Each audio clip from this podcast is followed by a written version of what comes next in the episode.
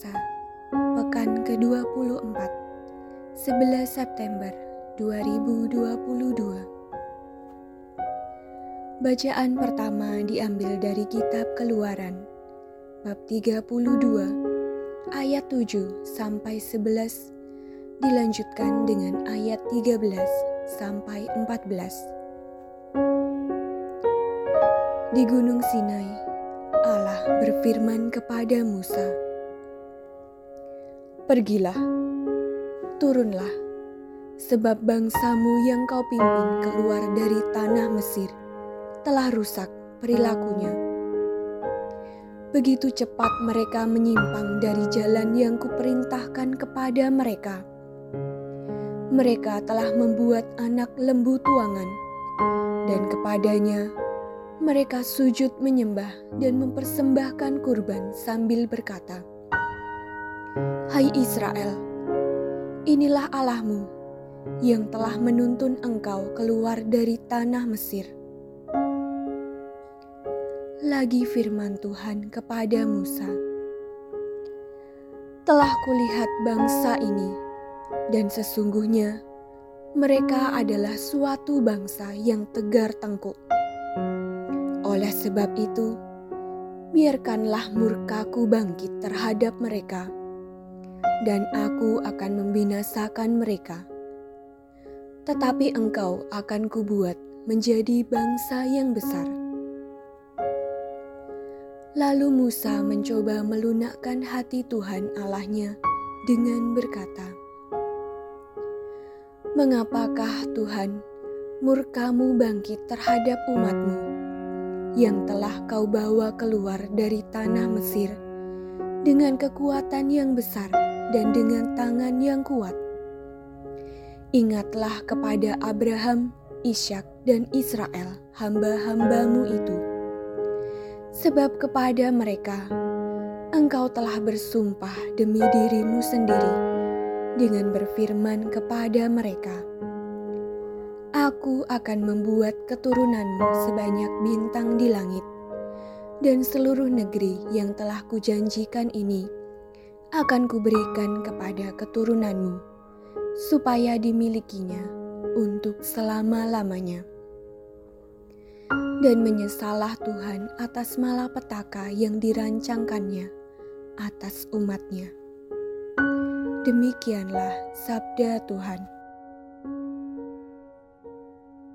Bacaan kedua diambil dari surat pertama Rasul Paulus kepada Timotius, bab 1 ayat 12 sampai 17.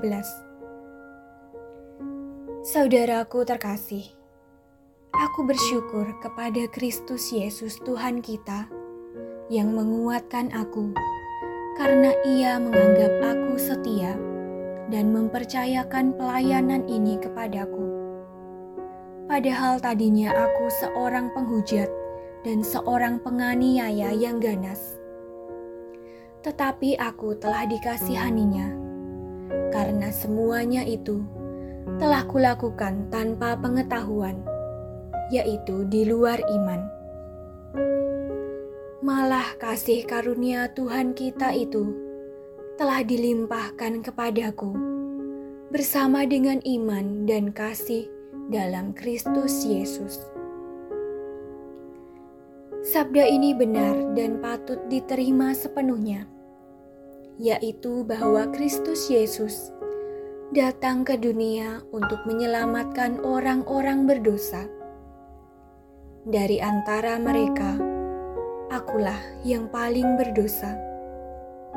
Tetapi justru karena itu, aku dikasihani agar dalam diriku sebagai orang yang paling berdosa ini, Yesus Kristus menunjukkan seluruh kesabarannya. Dengan demikian, aku menjadi contoh bagi mereka yang kemudian percaya kepadanya dan memperoleh hidup yang kekal.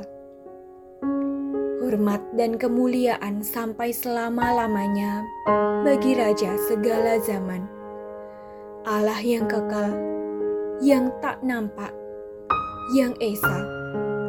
Amin. Demikianlah sabda Tuhan.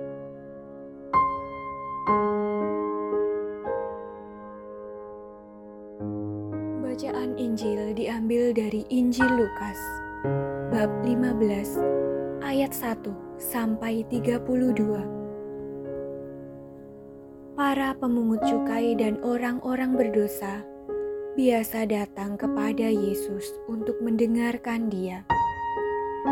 Maka bersungut-sungutlah orang-orang Farisi dan ahli-ahli Taurat, katanya. Ia menerima orang-orang berdosa dan makan bersama-sama dengan mereka. Maka Yesus menyampaikan perumpamaan ini kepada mereka Siapakah di antara kamu yang mempunyai seratus ekor domba, lalu kehilangan seekor?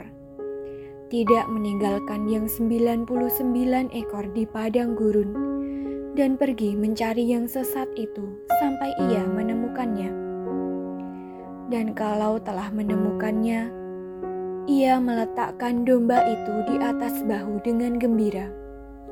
Dan setibanya di rumah, ia memanggil sahabat-sahabat dan tetangga-tetangganya serta berkata, Bersukacitalah bersama aku, sebab dombaku yang hilang itu telah kutemukan. Aku berkata kepadamu, demikian juga akan ada sukacita di surga karena satu orang berdosa yang bertobat lebih daripada sukacita karena 99 orang benar yang tidak memerlukan pertobatan.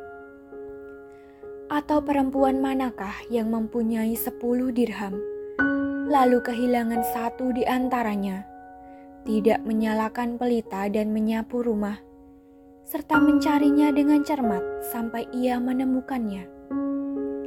Dan kalau telah menemukannya, ia memanggil sahabat-sahabat dan tetangga-tetangganya serta berkata, Bersukacitalah bersama aku, sebab dirhamku yang hilang itu telah kutemukan.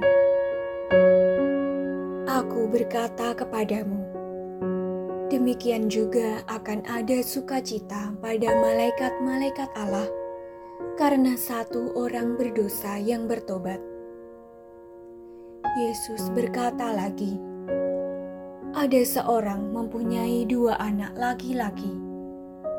Kata yang bungsu kepada ayahnya, "Bapa, berikanlah kepadaku bagian harta milik kita yang menjadi hakku." Lalu ayahnya membagi-bagikan harta kekayaan itu di antara mereka. Beberapa hari kemudian, Anak bungsu itu menjual seluruh bagiannya itu, lalu pergi ke negeri yang jauh. Di sana, ia memboroskan harta miliknya itu dengan hidup berfoya-foya. Setelah dihabiskan semua harta miliknya, timbullah bencana kelaparan di dalam negeri itu, dan ia pun mulai melarat. Lalu ia pergi dan bekerja pada seorang majikan di negeri itu. Orang itu menyuruhnya ke ladang untuk menjaga babi. Lalu ia ingin mengisi perutnya dengan ampas yang menjadi makanan babi itu. Tetapi tidak seorang pun yang memberikannya kepadanya. Lalu ia menyadari keadaannya, katanya, betapa banyaknya orang upahan Bapakku yang berlimpah-limpah makanannya. Tetapi aku di sini mati kelaparan. Aku akan bangkit dan pergi kepada Bapakku dan berkata kepadanya, Bapa, aku telah berdosa terhadap surga dan terhadap Bapa.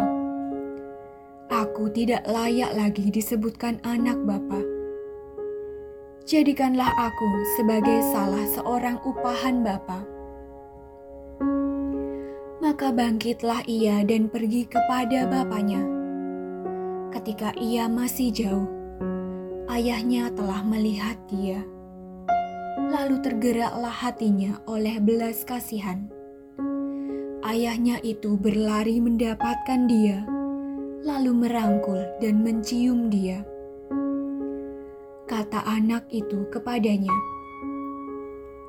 "Bapa, aku telah berdosa terhadap surga dan terhadap Bapa. Aku tidak layak lagi disebutkan anak Bapa." Tetapi ayah itu berkata kepada hamba-hambanya, lekaslah bawa kemari jubah yang terbaik, pakaikanlah itu kepadanya. Pasanglah cincin pada jarinya dan sepatu pada kakinya.